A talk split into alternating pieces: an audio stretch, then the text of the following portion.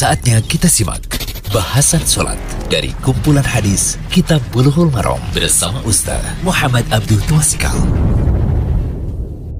Alhamdulillah, salatu wassalamu ala rasulillah wa ala alihi wasallam. Kali ini kita berada di audio ke-189 dari kitab Bulughul Maram karya Imam Ibn Hajar Al-Asqalani, kitab salat.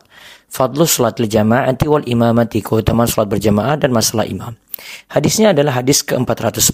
Kita gali lagi pelajaran dari hadis ini An Abi Hurairah radhiyallahu anhu anna Nabi sallallahu alaihi wasallam qala dari Abu Hurairah radhiyallahu anhu Nabi sallallahu alaihi wasallam bersabda idza amma ahada ahadakum idza amma ahadukumun nasa falikhaffif fa inna fihim as-saghir wal kabir wad dha'ifa wa dhal hajati fa idza shalla wahdahu falyusalli kaifa syaa muttafaqun alaih dari Abu Hurairah radhiyallahu anhu Nabi SAW bersabda, apabila salah seorang di antara kalian mengimami orang-orang, hendaknya ia memperingan sholatnya karena sungguhnya di antara mereka ada anak kecil, orang dewasa, orang yang lemah, dan orang yang punya hajat duniawi. Bila ia sholat sendiri, maka ia silakan sholat sekehendaknya atau semaunya. Mutafakun alaih. Hadis ini riwayat Imam Bukhari dan Muslim.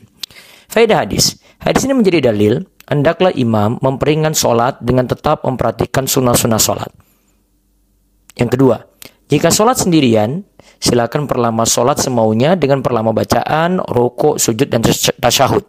Adapun itidal dan duduk antara dua sujud. Duduk di antara dua sujud.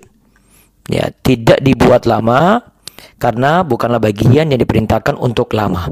Jadi dalam madhab syafi'i itidal dan duduk di antara dua sujud itu bagian rukun yang ringan, tidak lama.